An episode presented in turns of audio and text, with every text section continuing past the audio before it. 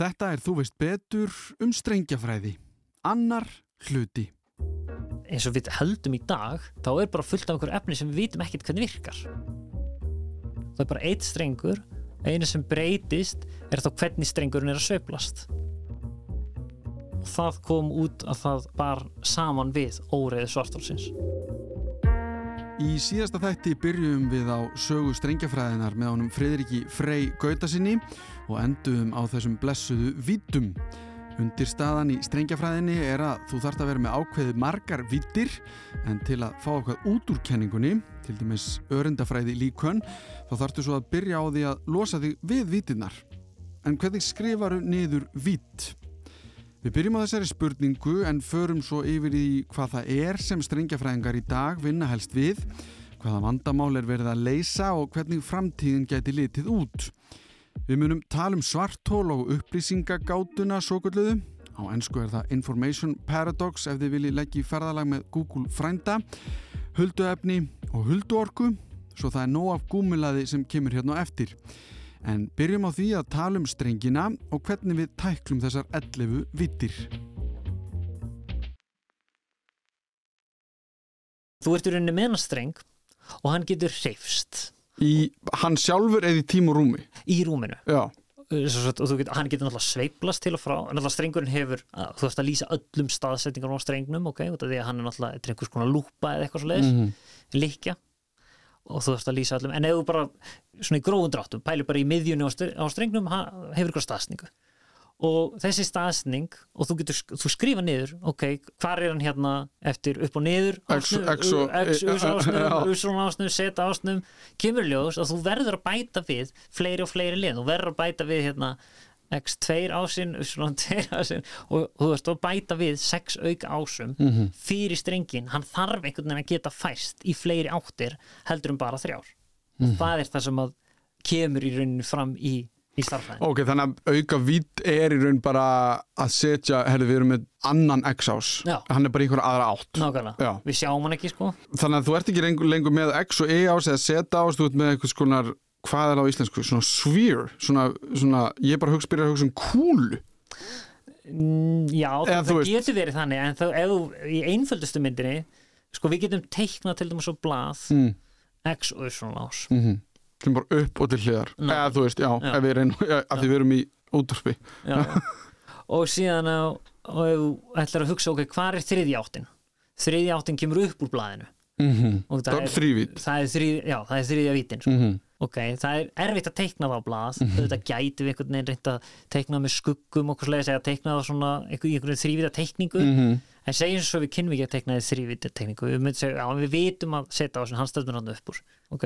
Svo ætla ég bara að bæta við sex auka svoleiðis ásum sem standa einhvern veginn svona upp úr þessu blaði en bara ekki í sömu stöfnum að setja. Það er mjög erfitt fyrir mig að útskjöra nákvæmlega hvernig það gerist því að þetta eru, við náttúrulega sjáum þetta ekki, við getum varla ímyndað okkar þetta. Mhm. Það er held ég, sko, það, þú, þetta er mjög mikilvæg punktur sem þú segir, sko, að því að það þarf ekki bara að vera frekar klár einstaklingur til þess að geta verið í þessum fræðum. En þú þarft að vera með frekar ríkt ímyndunarafl.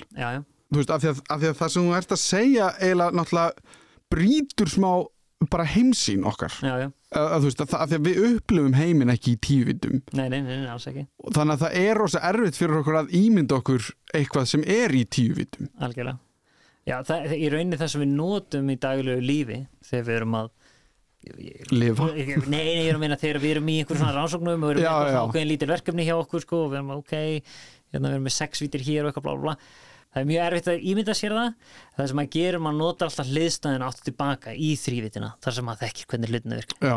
til dæmis, þú getur talað um sjövíða kúlu. Starffræðingar tala um sjövíða kúlu. Mjög áhugaverð kúla út af fyrir sig. En þegar ég hugsa sjövíða kúlu þá hugsa ég bara um kúlu í vennilegu þrývíðu rúmi. Já. og svo hugsa ég, hún lítur einhvern veginn svona út bara í sjövítum Já, einmitt, einmitt.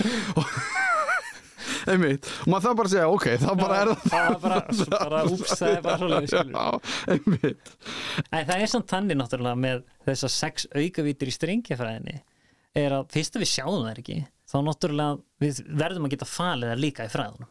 Það var það nú fyrsta sem að fólk reyndi að gera. Og það er sem að út af því að Einstein leifir okkur að hérna, leifir sveigju í rúminu og svo leiðis mm. Í almenna stæðskenningunni þá er rauninni nákvæmlega sama sem er í gangi í strengjafræðinni, það er rúmið þessar tíu vítir, það eru líka sveigðar alveg eins og Einstein myndi segja en við getum sveigtar það mikið að þetta verða pínu pínu litlar vítir mm. þannig að ég myndi til þess að bara með einu auka vít með fjörðu vítina, fjörðu rúmvítina og svona alltaf tíman að þú getur ímyndað að svo litla vít sé bara pínu pínu litlir ringur okay? hún líkur ekki beint, mm -hmm. heldur bara pínu litlir ringur og þessi ringur hann getur verið það lítill að við sjáum hann ekki sjáum hann Mm. hvorki við berum augum sjáum hann ekki í tilrunum og það er það sem að eðlisfræðingar hafa síðan gert, eða strengjafræðingar hafa síðan gert, er að ímyndi sér nákvæmlega þetta, þú veist, þú ert með þessar sex aukavítir en þú einhvern veginn þjappar þeim saman, krumpaðar allar saman mm. þannig að það er séu svo litlar við sjáum það ekki strengurinn sér þær, strengurinn getur ferðast í þessum aukavítum, það er mjög nöðsynlegt því að annars er kenningin ekki samkvæm sjálfur sér Mm -hmm. En við sjáum það ekki um beru augum en það er bara út af strengurinn svo pínu pínu lill en minni heldur en þessu aukavítir Ef að við reynum að jarðtengi það mm -hmm. og að þegar við byrjum á því að tala um rótindir og rafindir og niftindir, bara atóm Mhm. og við erum að reyna að skilja það og við erum að reyna að skilja kjarnakraftin eh, sterka Mhm. og þegar við förum að tala um þennan streng hvað er hann innan þessarar þessa heims skilur mig? Já, þú, þú sagði við skiptum út öreindinni fyrir strengin Já. og öreindin er rafind rafindin eða kvarkarnir eða það er allt saman örindir. Það er, já, það er allt saman það er öreindir samheitið yfir allar örindirnar í hérna til dæmis þessu viðtekna líkan eða standardmódulun já, og þú nefndir kvarkan aftur. Mm -hmm. bara því að ég hef heyrt um það áður og það er mjög gott að heyra skamta litafræðin Mhm. af því þeir, það, það litirnir tengjast einhvern veginn inn í þetta, er það ekki? Jú, Af því að kvarkarnir lýsa því hvernig rótindir eru byggðar upp, eða hvað? já Já. Rótindin er runni búin til úr þremur kvörkum Mm -hmm. það er það sem þessi skamta litafræða Quantum Chromodynamics Dynamics segir Mhm. Niftindin er líka búin til úr þremur kvörkum ekki alveg sömu En þeir eru bara byggingar einingar þessarar Algjörlega. agna. Já, þannig að þegar þú ferð inn í kjarnan þá sérðu, ok, kjarnin er ekki uh, þú veist, það er ekki bara einhver ein, ein eining. Kjarnin er búin til úr einingum Mhm. sem eru niftindir og rótindir og síðan inn í rótindinni eru kvarkarnir og það eru rauninni tveir mismundi kvarkar, sem koma þar fram og inn í niftindinni líka. Síðan eru til aðrir kvarkar sem eru enn þingri heldur en þeir sem eru þarna og þá sjáum við ekki í daglegu lífi það er engin atóm búin til úr þannig Nei, nei, Nei, engin, engin kjarnar búið til og þannig þeir, þeir, eru til í, þeir eru í fræðinum Mhm. við sjáum þeir í tilraunum Mhm. en þeir, það er engin hérna, stöðu frumefni búin til úr þeim Og úr hverju eru kvarkarnir? nákvæmlega, það er, það er spurningin það er, það er eitthvað sem það er ekki vitað í rauninni Nei. en hugmyndin í strengjafæði er að allir, allar þessar örendir, kvarkarnir rafindurnar uh, það, allt þetta saman, ljóseindir Mhm. eru búinur til úr strengjum allt úr sama strengnum það er bara eitt strengur einu sem breytist er þá hvernig strengurinn er að sveiflast og mismunandi sveiflutíðinir eru mismunandi eindir Einmitt. Ok, það er mjög merkilegt. mm -hmm. Af því að, ok, einmitt. Allt sami strengun. En hann, hann sko eins og ég var að tala um þe- þegar, þegar sveiflutnir í strengnum eru mismunandi að er, uh, það er svona grunntótn og það er yfirtónur og svo leiðis Já, já, bara eins og hljóðfæri, ef maður hugsaður þannig, já. ákannlega sam og, og það sem gerist í hljóðfærum að þá verður strengurinn effektíft þingri og þingri Já, hann bara, hann, hann breytir um eðli sitt. Já, Já. og það þá verður breytist massin Mm og það myndi svara þá til þingri og þingri öðreinda -hmm. og síðan er breytist líka aðrir eiginleikar þú veist, aðrir eðlisvæðilegir eiginleikar Mhm. öðreindana, hlæðsla og svolítið En, hv- en sko, að þegar þú segir að, að eðli þeirra, og við erum að, sko, það er kannski mikilvægt að taka fram að við erum að tala um svo litla hluti mm -hmm. að, þú veist, ég veit ekki eins og hvernig við eigum að útskýra hversu litli hlutir þetta eru. Nei, nei, þetta er minnsta, minnsta mögulega svo sagt, minnsta mögulega vegalengt sem við þekkjum Mhm. sem er bara eitthvað sem við getum búið til ef við tökum fullt af eðlisfræðilegum föstum eins og ég veit ekki, ljósaði ljósaði er einhver fasti, einhver fast Mhm. tala uh, annar fast sem heitir þingdarfasti Newtons Mhm. sem er, segir hversu sterkt þingdaraflið er. Og aðrir svona fastar. Og þú getur tekið alla saman til að búið til vegalengt markvald á einhvern veginn saman til að búið til vegalengt það er svo kvöldu plank vegalengdin og það er minnsta svona vegalengt sem við getum ímyndað okkur. Mm.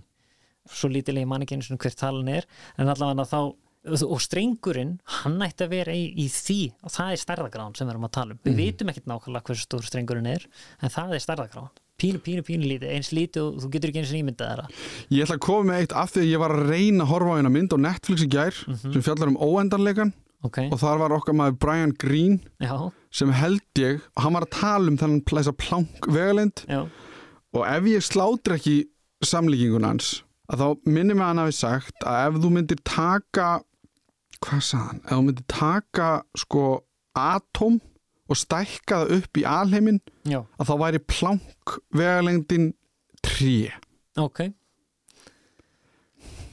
kannski er ég að slátur þessu en þú veist að þetta sé svo lítið þetta getur, þetta getur alveg verið. Hann nefndi eitthvað 33 aukastæfi eftir sentimetra eða eitthvað svona. Já, já, já, trjá, já, já, já. Það, er, tí- það er það sem við mynd, myndi líka 10 í mínus 3004 já, metrar eða sentimetrar annarkvort, ég man ekki alveg nokkala en þetta er, já, þetta er, þetta er mjög lítil já það, þú veist ég er bara að segja að því að sko ég held að alveg eins og við vorum að tala um vittirnar í gær, nei, í í gær á áðan, ég er alveg en, en að við vorum að tala um vittirnar að sko bara ef maður reynir að tengja þetta við einhverja hugmyndum hvað við þekkjum sko Já, já. að þá hérna, þú veist, og, og af því að það sem við erum að tala um sko það meikar ennþá með minna sens ef maður reynir að hugsa eitthvað svona, já en byrju hvað er að minnsta sem ég veit um, það er bara Já. einhver millimetri eitthvað, nei, nei, nei, þetta er bara þygt á hárið já, þetta eitthvað. Þetta, þetta er bara byggingar eining hérna alls, einhvern veginn í kringum okkur. En sko, ef við förum þá aðeins í sko,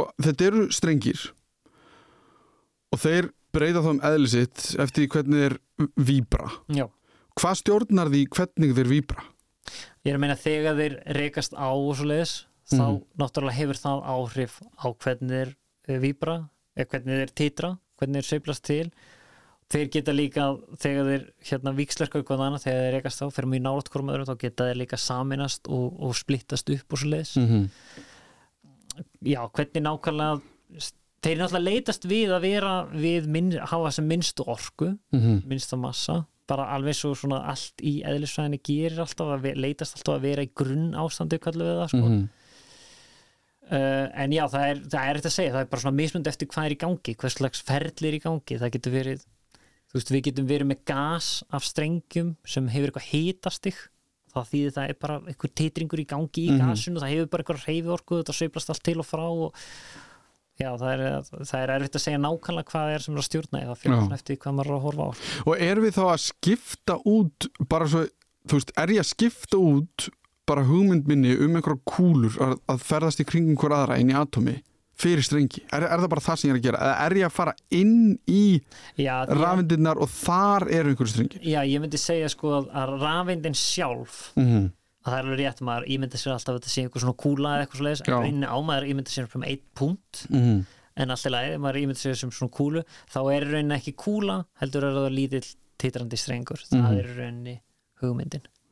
Og höfum við sko að því að minnir að ég hafi einhvern tíðan einhverjum hvort sem það var sjónvastáttur eða þú veist, að því að við höfum ekki séð séð mikið af þessu. Nei, þú það veist eins er, og atóm þú veist, þú getur eiginlega ekki googlað bara mynd af atómi nei, Þú veist, af því að það bara uh, við eigum ekkert myndir af atómi nema, uh, sem sagt, þá meina ég kannski myndir sem við þekkjum. Eða skilum við, átti, við eigum kannski einhver svona hvað segir maður, hvernig sem maður finnur, maður skýtur einhver í atóm og þá fær maður eitthvað svona tilbaka og, og já, fólk í þessari grein seg, segir kannski þetta er atóm já, en fyrir okkur er það kannski já, meinar bara það eitthvað- ekki, það er ekki, þú veist, ljósmynd já, ég er að segja, þú veist það er alveg það er sem sagt við eigum einhvers konar myndir held ég sem er rafindasmásjár myndir eða eitthvað af einstaka atóm mm -hmm. og þá lítur það bara út eins og, eins og það sem ég hef séð er bara svona svartar litlar kúlur sko, Já, já. At, all, alveg heilt atóm sko. síðan er ekki, ég meina það er ekki til mynd á rafind Nei, nei, nei, ég er að segja það. Þannig að þetta er einhvern veginn til, sko, þannig að sko, er strengjafræði mestmengnis bara útreikningar já, og hvernig einhvern veginn sko, samræmiru að spá fyrir um eitthvað mm og sönnunina að það haldi vatni. já sko, já, ég, ég ætti kannski að segja það bara reynd og skýrt að strengjafræðin eins og hún er í dag, hún er bara kenning Mm -hmm. Þetta er kenning sem að hefur fullt af jákvæðum eiginleikum eins og lýsa þingdafræðinni með sama tíma og skamtafræði mm.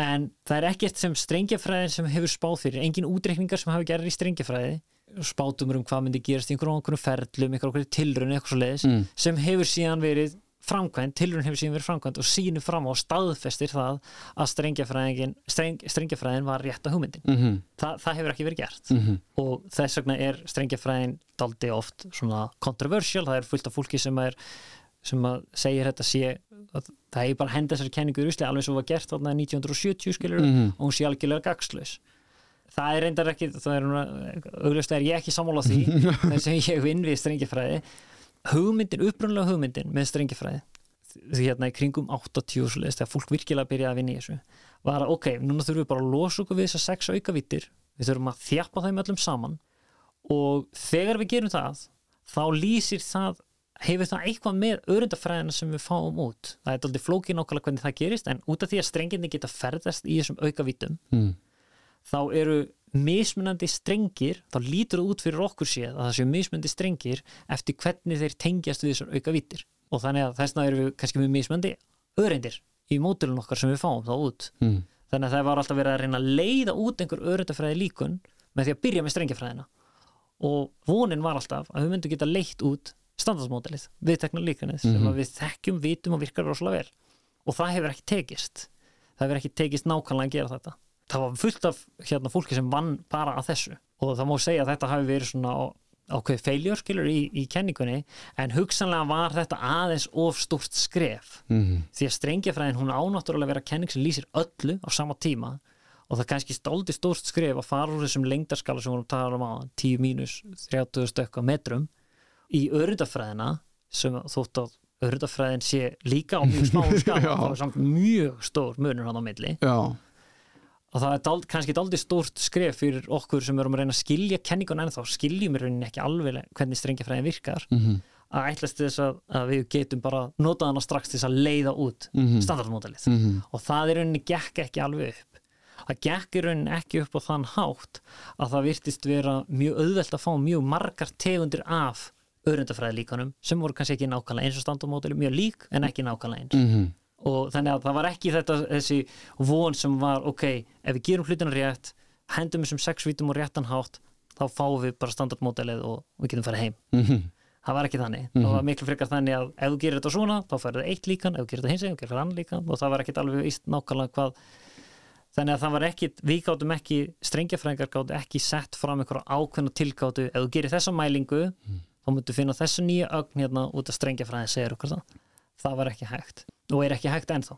Aftur á móti þá er náttúrulega strengjafræðin hefur samt ákveðin spátum skildi því að það er náttúrulega er hluti af kenningunni að öðrendir séu búin til úr strengjum. Þannig að ef að tilraunar væri nógu góðar og gætu aðtúað Mhm. hvort það væri strengur inn í öðrendunum þá myndi það náttúrulega staðfesta Þannig að það er líka eitthvað sem þetta strandar á að við höfum ekki tæknan til þess að sannreina þetta nákvæmlega. Að þetta er tilraunir sem að maður getur alltaf ímyndið sér hvernig þessar tilraunir þurft að vera ef maður ætti að reyna að staðfesta þetta Mhm. út af því að starra gráðunar eru svo svakalegar Mm -hmm. Já. Það sem ég er að velta fyrir mér er hvað er það sem að strengjafræðin hefur fram yfir skamtafræðina til þess að útskýra heiminn sem við lifum í?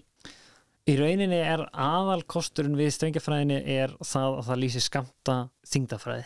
Það lýsir þingdafræðinni sem hluta á skamtafræði líkani.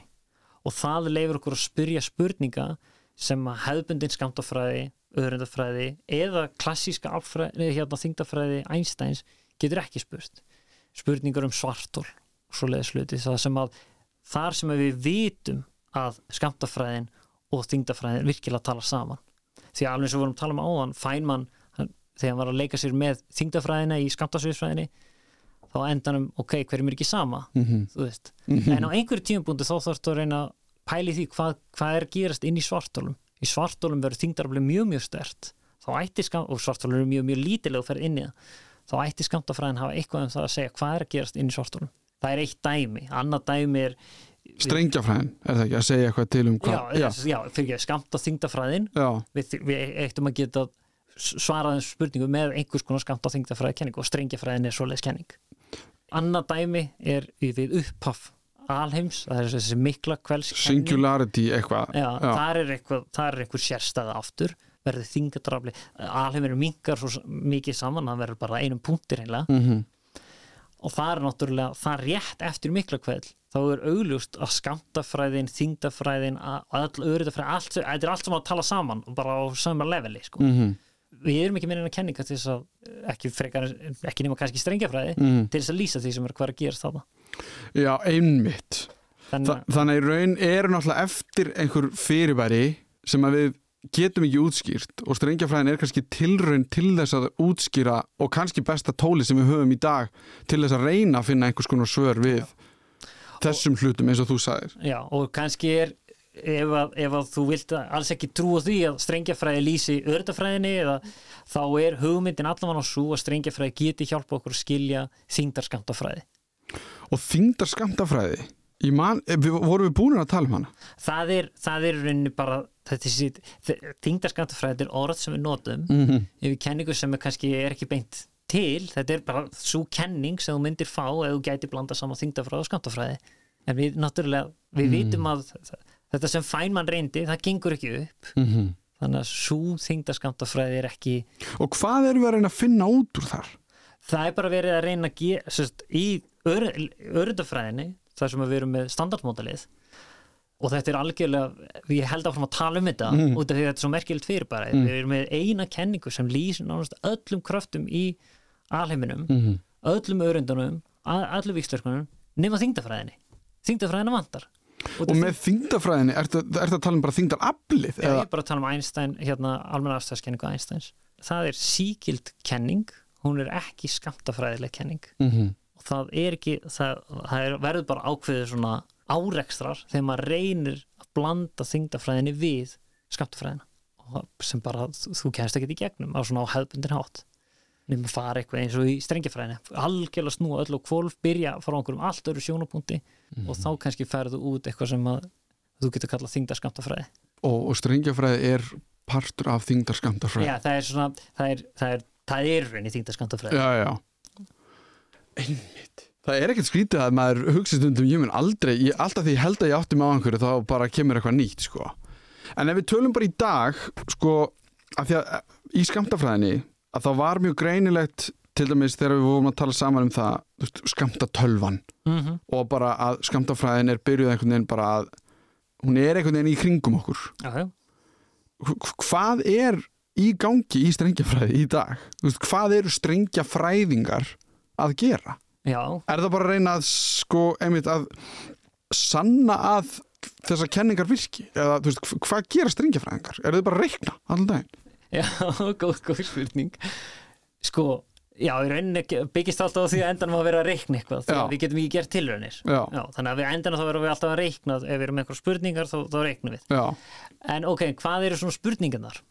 Eins og ég sagði þarna, hérna, stuttu eftir að strengjafræði kom fram, þá var kannski það sem að flestir voru að reyna að gera, voru reyna að fá viðtekna líkanið, standardmódelið út úr strengjafræði, einhvern veginn. mm það er ekki lengur hérna, fólk er ekki lengur að pæla í því svo mikið út af því að það er einhvern veginn svona fjallum sjálf, sjálfsýtaldi -hmm. en ég get bara nefnt nokkra hluti sem eru svona það sem er, fólk verið að pæla núna út af því að strengifræðin er þingdaskamtafræðin Mm. að þá getur maður farið að spyrja sig ok, ef að ég er með eitthvað líkan, eitthvað mótil fyrir örendafræði ok, ekkit endilega okkar örendafræði eins og við sjáum hérna Mhm. bara einhver tilbúin örendafræði sem Mhm. ég skrifa niður út af því að í skamtasviðsfræði þá er rauninni engin takmark fyrir því hvað ég get skrifa niður ef ég vil hafa 100.000 mismunandi rafindir Mm. allar bara, hérna, massin breytist bara með einum aukastafi eitthvað svo leiðis, þá get ég það og ég get látið þær vera allar víkslörka við hvort aðra með einhverjum kröftum og ég get bara gert það sem ég vil Mm. öryttafræðin hún er mjög opinn fyrir eða skamta sviðsfræðin meina ég, hún er mjög opinn fyrir öllu svo leiðis Mm. En það kemur í ljós uh, og það er eitthvað sem fólk hefur séð mest með því að skoða strengjafræði er að um leiðu tekur eitthvað svo leiðis kenningu og ætlar síðan líka að segja ok, en get ég haft þingdafræði líka, skamta þingdafræði Mm. og þá er langa oftast, kemur í ljós að það gengur ekki upp. Langa oftast þá segir strengjafræði nei, það virkar ekki, þú þurftir að hafa miklu færri rafindir Mm. þannig að það er verið að snúa spurningunum miklu meira við það er ekki verið að reyna, ok, reynum bara að finna hvernig við notum strengjafræði til þess að fá öryndafræði líkunni heldur verið að spyrja hvaða öryndafræði líkun ganga upp með þingdafræðinni og það er eitthvað sem hefur komið alltaf óvart bara senust ár að það virðist verið alltaf mikil mörk á þetta það er ennþá, það er ennþá mjög stór það er ennþá, ef þú myndir skrifa niður allar örundafræðina, við vitum ekki nákvæmlega hvaða örundafræði virka, hvaða ekki Mhm. en ef þú myndir byrja að skrifa niður þá er það mjög, mjög stór listi hugsanlega óendalega stór listi Mm. en hann er samt minni margfald minni ef við leifum mér að segja það fyrir óendalega stóra lista Já. heldur en allar mögulegar örundafræði sem hún getur skrifað niður. Mhm. þannig að það er eitt sem fólk er að skoða. Og, og til þess notar að strengjafræði. Þannig að strengjafræði byrjar að vera svona tól til að svara alls konar spurningum í eðlisvæði almennt. Annað er sambandi við svartól svartól, þetta er allt annað ég veit að ég verið að hoppa til og frá Nei, nei, já, bara, uh, svartól þau eru eins og og þú veist, þegar töluðu um þá voru, þá voru svartól er eitthvað það sem að ljós sleppur ekki einu sinni. Mhm. en svo kemur ljós með skamtafræðinu, með Hawking og svo leiðis að svartólinu þau hafa hitastig. Þannig að það er eitthvað smá geislun. Það er eitthvað smá drastla losna frá svartólinu og það leiði til svo kallar upplýsingagátunar og þetta er búið að vera einu stóru spurningunum í kennilegri eðlisvæði hvernig leysum við þessu upplýsingagátu? Sem er þá snýst hún um sko, að tapast, glatast upplýsingar sem farin í svartól já, Já, það er einhvern veginn, það virðist sem svo í kenningunum okkar, almenna afstæðiskenningunni og svona hefðbundin skamta fræði mhm, að ef að ég hérna sendi inn upplýsingar inn í, sendi ykkur SMS inn í svartól þá fæ ég það aldrei aftur út. Mhm. Og, og þú myndir segja, já ok, hverjum er ekki sama? En það er bara þannig í skamtafræði þá má það ekki gerast þetta er svona eitt af undirstu lögmálum í skamtafræði að, upplýsingar glatist ekki. Að upplýsingar gladist ekki. Og snýst það bara þó um að, að atóm hverfaldri? Eða þú veist, eða, eða, eða, hvað þú veist, það sem ég velti fyrir mig bara með það er að upplýsingar tapist ekki og er það bara lögmálið allstaðar að upplýsingar tapast ekki, það bara Já. umbreytast eða, já, það er umbreytist bara. Og það getur verið mjög erfitt. Þú hugsa- hugsaður að tekja bók og Mm. kveikir í henni. Mm auðvitað getur verið mjög erfitt að fara að sapna saman allir öskunni sem Mm, kom út já. eldinum og allir geislunni, þannig að það kemur hiti og það kemur ljós og allt fullt af drasli þú þurftir að sapna öllu þessu saman -hmm.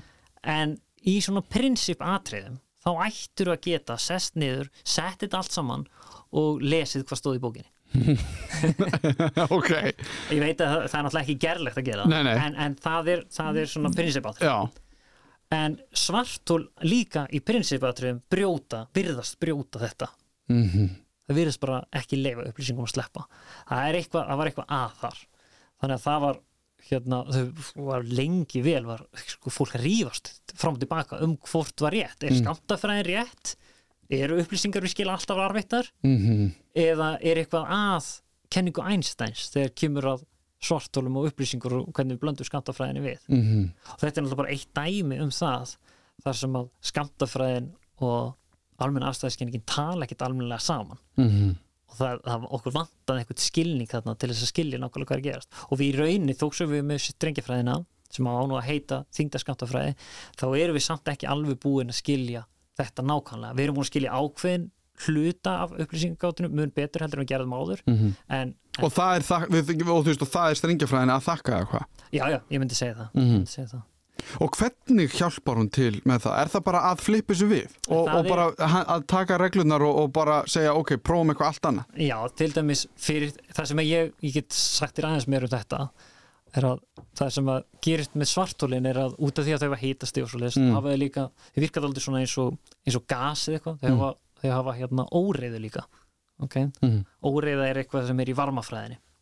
Óreiðan hefur eitthvað með það að gera að við þekkjum ekki alveg við, við, við, við, við höfum ekki allar upplýsingarnar um hvað er að gerast. Til dæmis að úr með gas eins og hérna bara andrúsloftið inn í Mm. þessu herbergi ok, allar, allar litlu agninir í andrúsloftinu það er að reyfast einhvern veginn til og frá, titra eitthvað skoppa á hverju annari en við náttúrulega finnum það ekkert, við finnum hitastíð sem er hérna inni. Mm og þrýstingin hugsanlega og eitthvað svo leiðis óreiðan hefur með það að gera er hvernig getur maður að raða þessum gaseindum og margum mismundi hátt til þess að fá sama hitastig og sama þrýsting?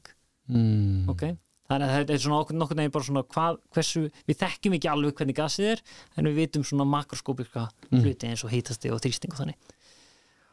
En það kemur ljós að svartól verðist það var óreiðu. Það var reynda mjög sérstætt hvernig það var fundið út. Það var, það var svona hugartilraun sem leiti til þessara Mm. pælinga að svartól hefði óreiða óreiðan svartóli gefið með yfirbúrs flatamólun á sjóndildinni Mm en þá er spurningin hvað, hvaða gas er það sem er að lýsa þessu ástandi svartólsins svartól er bara svartól, svartól er bara eitthvað fyrirbæri með massa kannski snýsta, hefur eitthvað hérna, hverfiðunga mm. En öðru leiti er það bara svartól það er í rauninni ekkert og það er þannig sem það lítur út í kenningum Einsteins, það hefur í rauninni bara tvo parametra, massan og hverfiðungan það er ekkert annað, Mm þú veist ég er ekki með svartólum á mismundi litin eða neitt svoleiðis, það er bara, þú veist, þau eru, bara all eins, -hmm. eða svo lengi sem massin sé eins. Mm. og, og þetta er stóru spurningin. Hva, hvernig lýsum maður þessum ástöndum, þessum gas ástöndum eða vilt, þú veist, ég meina það er kannski ekki rétt að kalla það en Mm. hva, hvernig lýsum maður þeim og það þarf einhvern veginn skamt á þingdafræði til þess að lýsa því. Og strengjafræðin gerir þá tilurinn til þess. Og þá kemur í ljós að, það sem þú gerir þá það strengjafræðinga gerðu var að spyrja sig, ok, hvernig lítur svartól út í strengjafræði Mm ok. Og, svo, og aftur þá ertu með þessar auka vítir hana, þessar sex auka vítir og svartólir en þá bara svartólurinn í strengjafræði þau eru stórir, þungir, hlutir skiluru Mm. en það að við erum með þessar auka vítir þýðir að það er eitthvað að gerast þar. Strengirnir eru að uh, hérna maður er svona að vefja þeim utanum þessar auka vítir þú getur ímyndað þetta er kannski eitthvað eins og kleinurringur þessar auka vít, Mhm. þá getur maður vafið strengjum hinga og fanga utanum Mm. og það sem var gert var bara að telja á hversu marga vegu getum að vafið strengjunum utanum þessar auka vítir og það kom út að það bar saman við óreiði svartálsins óreiðan hefur með það að gera hversu mörg ástundu hefur. Og þetta var bara hversu, á hversu marga vegu getum við sett strengin í þessa auka vítir hérna? Það gaf rétt svarið. Í ákveðinu tilfellum, þetta er ekki búið að leysa þetta alveg í öllum mögulegu tilfellum. Fyrir Mm. ákveðin tegundur og svartálum og svo leiðis og ákveðin setupum í strengjafræði þá gekk þetta upp. -hmm. þannig að þú veist, þetta eru svona tól til þess að svara ákveðnum spurningum í eðlisfræði sem að við kannski vitum ekki um neina aðra aðferð til þess að svara En er ég núna að fara að hugsa um atóm á allt annan hátt en ég gerði það en við byrjum að tala saman? Ég er ekki lengur að hugsa um einhverja punti, ég er bara að hugsa um einhverja strengi sem eru út um allt. Litla orma. ég myndi ekki segja það Nei. út af því að það, það er aftur hugmyndin sem er svona gegnum gangandi í eðlisfræði að þegar þú ert að hugsa um eðlisfræði á einhverjum ákveðnum skala eins og til dæmis atomskalanum þá er ekkert gáfulegt að vera að nota þá eðlisfræði sem lýs, lýsir hlutunum á miklu nákvæmara skala. Mm -hmm. þannig að þegar þú ert að lýsa atómunum þá notar bara gamla góðu skamtafræðina hugsanlega skamta sviðsfræðina eftir hvort þú vilt henda mjög fast ögnum á það eða ekki sko. en nei, þú, þú notar þá eðlisfræði sem hendar síðan er, rauninni alltaf hugsunni svo að, að dýbri kenningin að hún, hún, hún er bara hún bætir bara við, hún, ekki, hún tekur ekki það sem við vissum áður. Mm eins og til dæmis þegar við erum að skoða þingdafræðina þá er oft fínt að nota bara Newton og það er einfaldar jöfnur og svoleiðis nota bara Newton til þess að lýsa þingdaraflinu við erum ekkert að fara út í hérna, jöfnur Einsteins í almenna afstæðskenningunni -hmm. það fyrir bara eftir hverju spurningar það eru Einmitt. Já, ok. Ég skildi. Eru, hvað eru fótons? það er ljóseind Það er ljóseind. Já. og graviton er hérna, þingdareind Mm Og þessar eindir, nú var ég bara að nýta með tækifærið að hafa einn, ekki að spyrja. mm Þessar eindir, að að ég hugsa um ljósbylgju, -hmm. þú veist, bara, bara eins og hljóðbylgjur, já, er hún búin til úr mörgum eindum eða er hún bara einn strengur? Eða skilur, eða þú veist, veistu hvað, veistu hvað við, að því að þú veist, ég veit að hljóðbylgja er bara ákveðin, þú veist, þú, þú, þú getur séð hvernig, ég bara horfa á bylgjunar hérna á Já, já. skjánu hjá mér. Já. Ég bara veltaði fyrir mér sko, þú veist, úr hverju þessi bylgja sé. sko, já Þú veist, er, já, er, hún, er, er, er hún úr fullt af fótons? Er hún úr fullt af ljóseindum? já, nákvæmlega Bara endalust? þetta fyrir aðeins eftir, nú aftur, aftur kemur spurningin sko, hvar, hvar ætlum við að vera í hvað, og hvað, ætlum við að vera í síkildu uh, rafsegulfræðinni Mm. Maxwell jöfnunum skilur, Já. sem er þessi klassíska fræði sem kom áður skantafræðin og er ennþá góð og gild til að svara eitthvað í samt við ljósbylgjur Mm -hmm. Ljósbylgjur eru bylgjur í raf og segur sviði það er kannski þá, þegar ég hugsa um þetta þá hugsa ég um ok, hérna er ljósbylgjur svona stór það er mikið af orku í ljósinu miða við, þú veist, orku rafindar í atómið eitthvað svolítið Mm -hmm. og einhverju tímapunkti ef þú ert með minna og minna ljós, minna og minna þá á einhverju tímapunkti verður þessi bylgju mynd sem Mm. við höfum á ljósinu, hún verður ekki góð og það er betra að hugsa um ljósið sem eindir Mm -hmm. Þannig að í einhverju skilningi þá getur maður hugsað um þessa stóru þykku ljósbylgju sem fullt saman safn af ljósindum að ferðast saman Og er þá ljósbylgjan bara eitthvað, einhver hugmynd í hausnum á mér? Veistu hvað við? Þetta er ekki bylgja sem er að koma frá sólinni, þetta er bara geðveikislega mikið á ljósindum. Já, ég held að sé í þessar tvær hugmyndir eru jafn gildar á þessu Mhm. það er, þetta, þú getur hugsað um þetta hvort sem er Mm. þetta er þetta tvíeðli sem var ofta talað um í upphafi skamtafræðinar Mm. að það, þessi fyrirbæri ekki bara ljós, heldur líka rafindin til dæmis, þær sína bæði þessi eðli, þær sína bæði bylgju eðli og hérna einda eðli Mm. og það fer eftir hvaða aðstæður og hvort, hvort er betra að hugsa um Mm. þegar að þú ert að hugsa um ljósik frá sólinni, þá myndi ég segja já, kannski betra að hugsa um það sem bara sem ljósbylgju Mhm. svona klassíska ljósbylgju sem er að ferðast alveg svo bylgjur á vatni sko. Mm. en það, það er alltaf lægi líka að hugsa um það sem fullt, fullt af ljósindum að koma bara miljónir, biljónir af ljósindum að koma Mhm. streyma frá sólinni Mm. Og kannski bara þegar við ætlum að reyna að segja hitast því að þá er það bara einhver bylgja, að, þú veist, að því ég hugsa bara bassatíðinni er lengri bylgja Já. og þú veist, þetta er bara mismöndi tegundar, það er geta útskýrt bylgjunar geta útskýrt einhvern veginn hvað við erum að tala um. Já. en sko, ok, ef við reynum núna að fara í fram, framtíðina. Í framtíðina, já. Sko framtíð streng, strengjafræði. Mm sko, hvað erum við að tala um þar? Þú veist, að því ég hugsa bara um eins og skamtafræðin hann sagði bara skamta tölvan Já. þú veist, það er bara það sem við erum öll að byggja eftir. Mm og sen er þetta að tala yfir um kjarnorku líka og þá stóð kjarnasamrunni það er bara það sem við erum að byggja eftir. Góð, góður, já. Sem er skiluru, Já, já, þetta er svona stóru, stóru skotmörkin eða þannig já, sem eiga bara að breyta öllum heiminum, algjörlega. Einhvern veginn. Já, ég veit ekki alveg hvort ég get komið svipað Nei, ég er ekki að byggja um það það, þetta er sko þetta er eitthvað sem myndi umturna heiminum sem Já. við þekkjum, sko, þessi Já. tvö hugtök.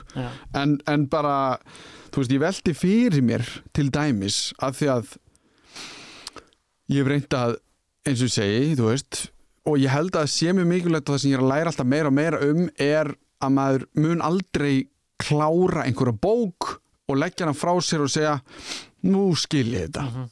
þú veist, það er bara önnur bók eða önnur mynd Já. eða eitthvað það er svona kannski það sem ég meina með að þú veist, ég reyna að lesa Feynman eitthvað, þú veist, ég fer ekki í hans dýpsta sapn ég er að reyna að lesa uh, Short History of Time og eitthvað Mhm.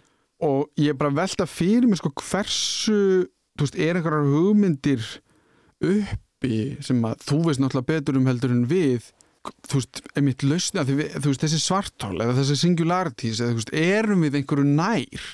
Þú veist, er eitthvað svona í sjóndeldarhingnum sem að segir, ok, við erum að færast kannski einhvern, einhvern negin Já, ég held að, ég held sko, þetta er aldrei magna hvernig uh, hérna, þróun rannsókna í strengjafræði hefur verið mm. því að það hefur gerst nokkrum sinnum sérstaklega, þetta er áður en ég byrjaði að vinna í þessu sérstaklega í kringum 95 að það kom einhverju svona stóri skellir allt í hennu kemur einhverju svona stór ný hugmynd og fullt af hlutum sem fólk var mjög svona bara, var bara allir rugglaði vissi ekki alveg hvað þetta, hvernig þetta líta á og fullt af einhverjum svona skrítnum hlutum í gangi Mm. svo allt í hennu kemur einhver fattar að hvað er í gangi, það var stóra það sem ég er að hugsa um núna er hérna það er uh, Edward Witten, hann kom með svona stóra, hann á fyrirlestri í hérna svo, svo, svo kallega strings ráðstöfnunni sem bara strengja ráðstöfnan sem Mm. er árlega ráðstöfnun í strengjafræði hann var með fyrirlestur þar í 95 þar sem hann kom bara með daldið stóra sprengju bara, heyrðu, ég er með daldið crazy hugmynd hérna Mm. allar, það voru svo, nokkrar mismunandi strengjafræðir í rauninni og hann sagði þetta er í rauninni bara allt saman sama kenningin og ég ætla að sína ykkur hvernig þær tengjast alla sama Mm. og hann, þess vegna er ég bara búin að vera að tala um eina strengjafræðikenning og það er bara ein strengjafræðikenning Mhm. eins og við skiljum það í dag Mm.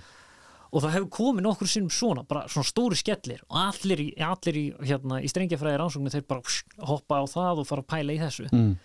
og þetta er reyndar ekki búið að gerast í dálítið tíma núna að, en það sem er búið að vera að gerast seinustu ár er að fólk er búið að vera að skoða aftur dálítið vel hvernig svartól virka Mhm. og þetta er ekkert endilega bara í strengjafræði rannsóknum og því að strengjafræði svona út af fyrir sig er byrjað, eins og ég segi, þetta er byrjað að vera bara meira svona verkfæri til þess að nota til þess að svara spurningum Mm. þannig að fólk er búið að stúdira svartordóldi mikið upp á það að skilja upplýsingagátuna skilja hver er óreðan í svartólum skilja þessi svona undirstöðu spurningar mm. og ég held að þetta er það sem er við, ég held að við séum hægt og rólega það er ekki að gerast 1 og 3 og ég veit ekki hversu langa tíma vonandi mun ég sjá endan, en, fyrir endan á því Mm.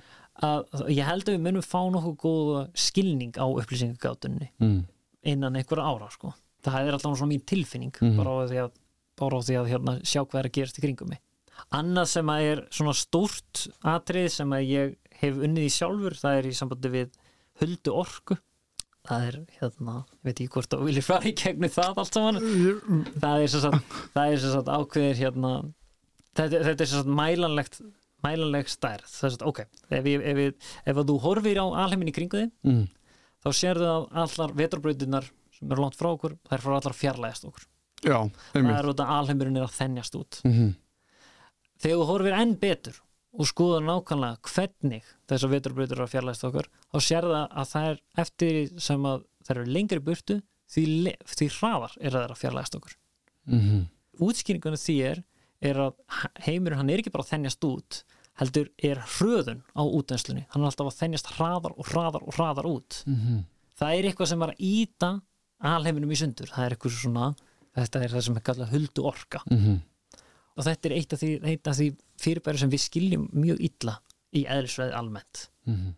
og það er alltaf verið að reyna að setja svona hluti inn í öðrutafræðina, inn í skamtasviðsfræðina útskýra það þar, það algjörlega það bara kemur algjör steip það gjörsanlega gengur ekki neitt upp. Út af því að huldorkan hefur eitthvað með þýndaraflega að gera. Mhm. þannig að þetta kemur alltaf einhvern veginn saman aftur, aftur og aftur að þegar við ætlum að reyna að nota kenningur fyrir skamtasviðs kenningarnar og skamtakenningarnar okkar og þyngdaraflið og fyrir bara allt í, allt í rugl sko. þannig að það er eitthvað sem að hérna hefur lengi verið, þetta hefur lengi verið spurning síðan í rauninni þessi mæling og gerð sem var 98 Mhm. þá hafa sérstaklega strengjafræðing að vera að reyna að útskýra huldu orku með strengjafræði og það hefur ekkert, það hefur ekki gengið vel það hefur gengið frekar illa fólk er komið svo langt núna að segja í strengjafræði að, að, að þetta sé nánast ógerlegt að hafa þetta hafa sagt, þessa jákvæða hröðun og það þurfi að útskýra það einhvern veginn aðeins öðruvísi. Við þurfum bara eitthvað nýtt. Já, það þurfi bara- ekki, ekki kannski endilega aðra kenningu heldur bara þessar hefðbundu útskýringar sem við heldum að myndi virka að þær, já, þær, þær ganga ekki upp. Mm -hmm. en, en þannig að það, það, er- þetta er svona ég er ekki vissum að þetta verði leist Nei, eh, svona í næstu öðrum, en ég einhvern veginn hefur meiri trú á svartólunum og þeim. Ég veldi fyrir mér sko hvað er það sem að, þú veist, af hverju erum við, er það bara forvitni? Mm eða er eitthvað sem við vonumst til að fá út úr því að leysa til dæmis upplýsingaóriðina eða já, stóra kvæll eða veist, hvernig við byrjum? Til þess að, þú veist, einhvern veginn já ég, þetta er allt þetta er góð spurning og þegar að kemur að svona rannsóknum í eðlisfræði og ekkert bara strengjafræði, heldur líka örinda rannsóknum og annað mm.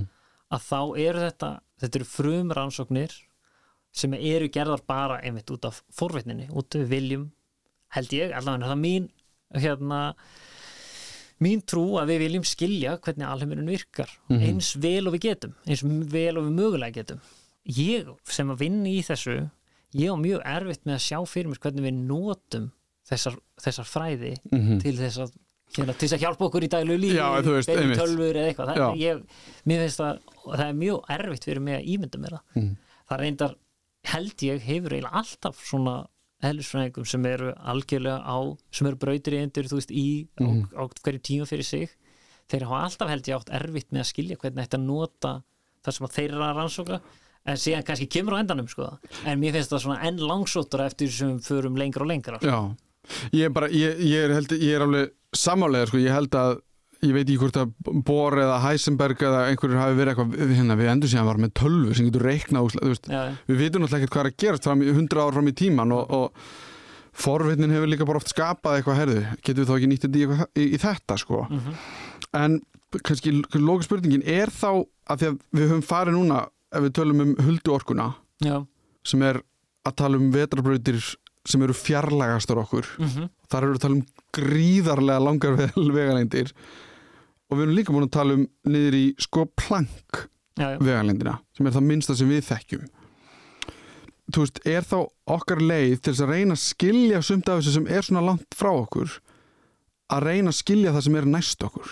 Þú veist, er, er leiðin okkar að reyna að skilja þú veist, eins og bara þessar hluti sem þú ert búin að nefna út í heim, út í game, sko að skjóta einhverjum rótindum eða raf, nei, rafindum saman og sjá hvað kemur út já, það er, já, það er að því við getum ekkert gert það við svartól sko. algjörlega, já, það er hansi góða punktur það er, já, það er eh, ég, ég er algjörlega á því að ef við skiljum öðrindafræðina betur, skiljum við eðlisfræðina almennt séð betur, já, þá skiljum við þessa hluti sem að virðast rosalega fjallægir okkur betur mm -hmm.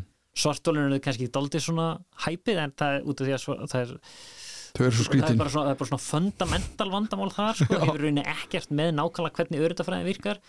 En þetta með hulduorkana það er, það getur verið nátengt því nákvæmlega hvernig öryttafræðin virkar. Mm -hmm.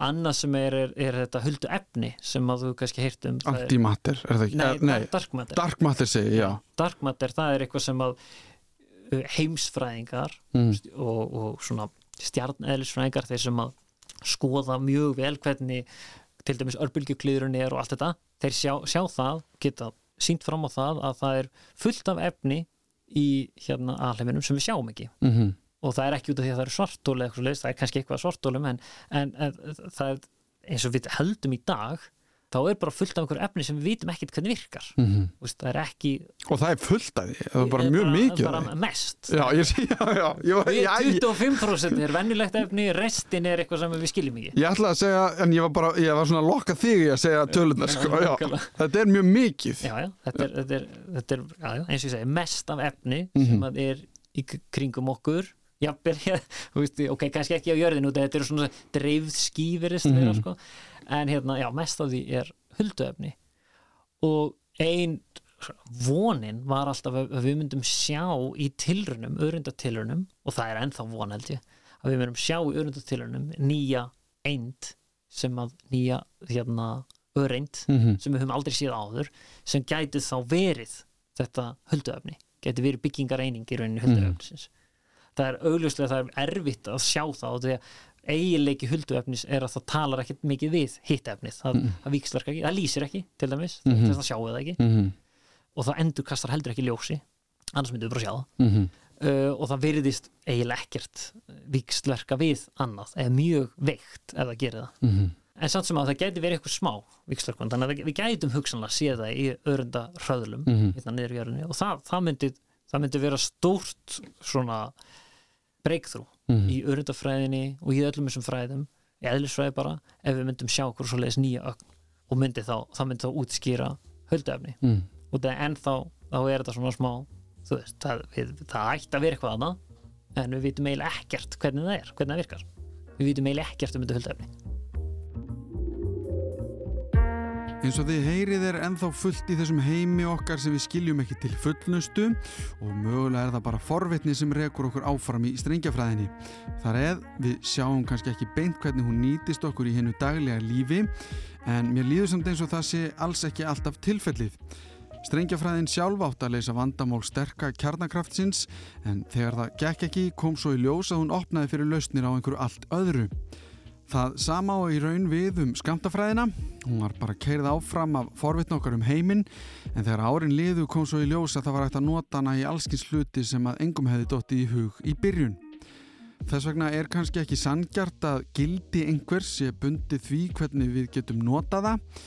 Við bara tökum orðið notagildi í sundur og sitjum þá eftir með gildi sem getur verið hvað sem er, til dæmis forvitni. En nú eru strenginir í hausnum á mér hugsanlega komnir í hnút og ég set punktinn yfir yð. Ég vil þakka Friðriki Frey Gautasinni kærlega fyrir heimsóknina og þakka ykkur fyrir að hlusta. Ég heiti Alli Már Steinarsson og þakka sömu leiðis fyrir mig. Ef það er einhverjar spurningar eða ábyrningar er hægt að senda post á allimarat.ruf.is Þetta var Þú veist betur um strengjafræði. Heyrumst í næsta þætti.